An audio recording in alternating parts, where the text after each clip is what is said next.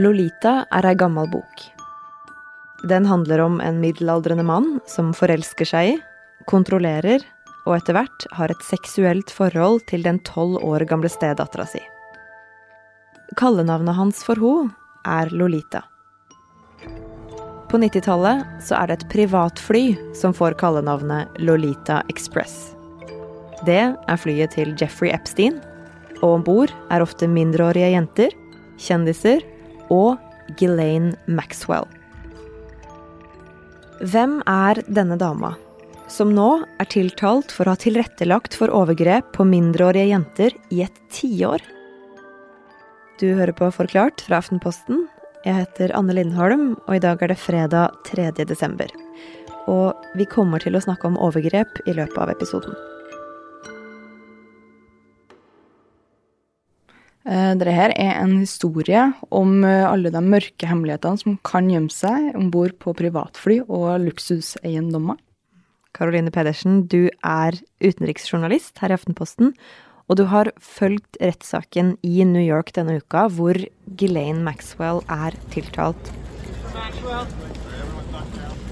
Hvor kommer Ghislaine Maxwell fra? Hva veit vi om livet hennes? Ghislaine Maxwell hun er født inn i en ganske rik familie første juledag eh, i Frankrike. Hun vokste opp som en av ni søsken eh, av mediemongulen Robert Maxwell i England senere. Han drukna på mystisk vis på starten av 90-tallet, og selv har hun påstått at faren ble drept, men det er jo ikke da bekrefta. Hun deltar da på faren sin begravelse, og ganske kort tid etterpå blir hun da observert gående om bord på et fly til New York, og da starter reisen på resten av hennes liv. Ja, for der, i New York, så bor jo mannen som hele denne saken egentlig starter med, nemlig rikingen og finansmannen Jeffrey Epstein. Ja, Maxwell hun flyttet til New York og får jobb som eiendomsmegler. Hun hevda i 2016 at hun møtte Epstein der gjennom en felles venn. Eh, men det er også hevda at eh, hun møtte han allerede i 1988 sammen med sin far Robert, men det er da ikke bekrefta. Etter hvert så går de inn i en mer intim relasjon. Eh, hun har sjarmen og kan snakke godt for seg, og han har pengene. Og det viser seg jo da å være godt nyttig i et nettverk de da skal bygge seg opp gjennom årene. Og hvem er det som blir en del av det nettverket?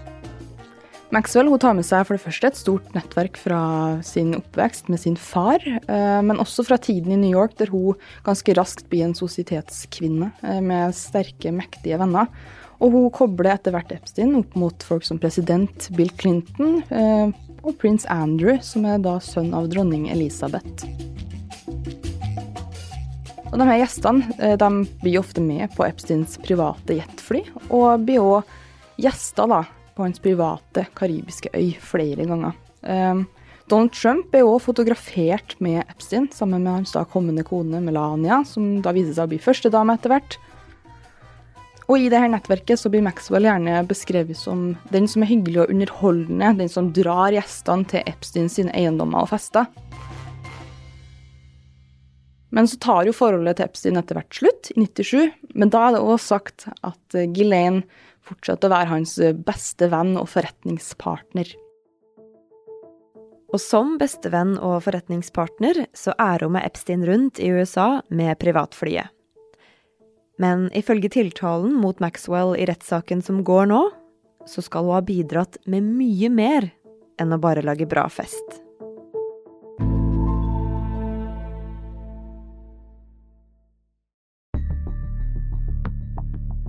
Denne uka starta rettssaken mot Ghislaine Maxwell. Hun er tiltalt for ting som skjedde mellom 1994 og 2004, altså etter at hun flytta til New York og ble venner og kjæreste med Jeffrey Epstein. Hun nekter for å ha gjort noe som helst av det hun er tiltalt for. Og det er annet for å ha rekruttert mindreårige jenter til Jeffrey Epstein, så han kunne forgripe seg på dem.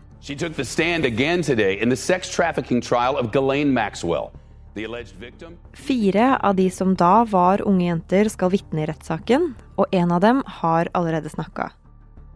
Navnet hennes er hemmelig, så hun blir bare kalt Jane. Jane forteller i retten at hun først møtte Epstein og Maxwell på en sommerleir i Michigan når hun var 14 år gammel.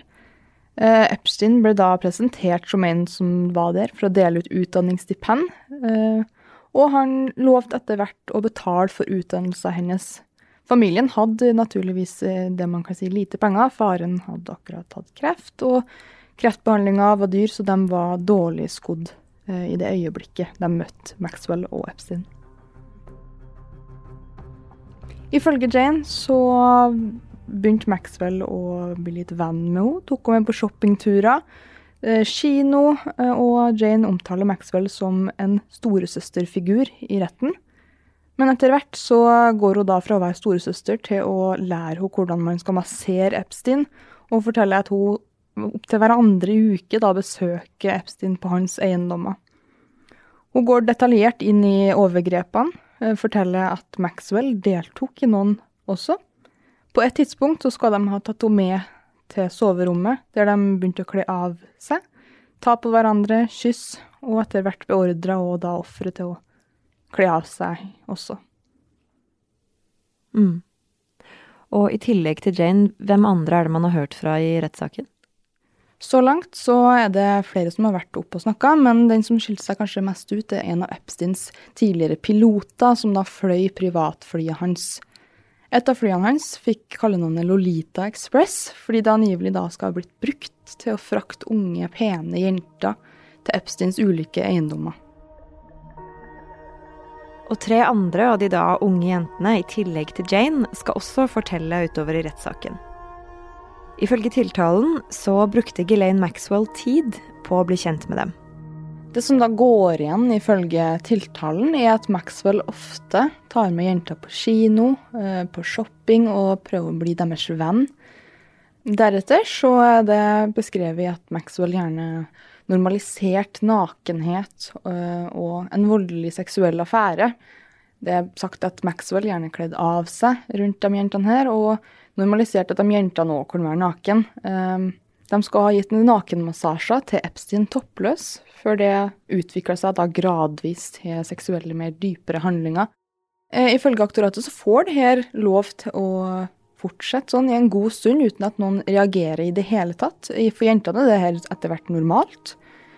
Og Epstein fortsetter da å fly dem rundt til sine forskjellige eiendommer og misbruke dem i opptil ti år, ifølge tiltalen. Men så kommer det første tegnet på at noen følger med på hva som skjer på flyet som kalles Lolita Express, og på de mange luksuseiendommene. For i 2005 så har en dame gått til politiet i Florida og sagt at den 14 år gamle stedattera hennes hadde blitt tatt med til Epstein sitt hus og fått 300 dollar for å strippe og for å massere han. Det blir starten på en hemmelig politietterforskning og året etter blir Jeffrey Epstein arrestert. Politiet hadde mange vitner, bilder og andre bevis, men Epstein endte opp med å få litt over ett år i fengsel. Og etter det er det stille fra politiet på en god stund. Men likevel blir både navnene Epstein og Maxwell nevnt i amerikanske rettssaler i åra som kommer. For det er nemlig flere jenter og kvinner som saksøker dem. Det blir en dominoeffekt av dette her. Eh, både Maxwell og Epstein får en rekke sivile søksmål retta mot seg etter 2008. Eh, det skal sies at de aller fleste er mot Epstein, men også Maxwell får det. De aller fleste søksmålene her de ender opp i en slags enighet utenfor retten, om man kan si det, der anklager ofte da får betalt for å trekke tilbake søksmålet sitt. Så det mm. går aldri gjennom. Men så, da, etter flere år med det her, med de sivile søksmåla og de pengene som jo i praksis gjør at de jentene ikke kan si noe etterpå. Så kommer metoo. Og det endrer jo mange sitt syn på saker som nettopp det. For plutselig så er det mange mektige menn i hele verden som er anklaga for å ha misbrukt stillinga si, pengene sine eller innflytelsen sin. Og etter hvert, 6.7.2019, så blir Epstein arrestert for sex trafficking, menneskehandel og misbruk. Og Seinere den høsten så blir han funnet død på cella, og det beskrives som et selvmord. og Det er jo det som får oppmerksomhet. Men hva skjer med Maxwell i løpet av alt det? Både i årene før det her og etter det her så holder hun en ganske lav profil. Eh, hun forsvinner fra offentligheten og snakker da kun eh, gjennom sine advokater. Selv de hevder på et tidspunkt at de ikke vet adressen hennes, og hun blir etter hvert etterlyst av FBI, men de har trøbbel med å finne henne. Men i juli i fjor så blir hun da pågrepet i sitt eget hjem i New Hampshire. Det er senere blitt kjent at hun faktisk prøvde å rømme da hun fant ut at politiet var på vei. Men hun ble da altså tatt og har sittet i fengsel i Brooklyn i New York siden den tid og venta på rettssak. Og nå har jo den rettssaken begynt, og hun nekter fortsatt for alt sammen og har ikke tenkt å forklare seg sjøl. Men hvordan kan det her eh, gå? Hvordan kan det ende? Ja, altså Ifølge tiltalen så er hun nå tiltalt for både å ha assistert, lagt til rette for og bidratt til overgrep mot flere mindreårige jenter. Det er ganske kraftige anklager. Og så vet man jo ikke hvordan det her ender. Saken skal gå til midt i januar. Det er fire jenter som skal stå fram med sitt vitnesbyrd, og gå da detaljert inn i sin opplevelse med da spesielt Maxwell. Hun ene, Jane, eh, som vi fortalte om, har allerede snakka, de andre vil også komme til å snakke fortløpende. Maxwell risikerer nå å tilbringe resten av sitt liv i fengsel. På det tidspunktet her så er hun 59 år, og dømmes hun i alle tiltalepunkter, så kan hun risikere opp mot 80 år i fengsel.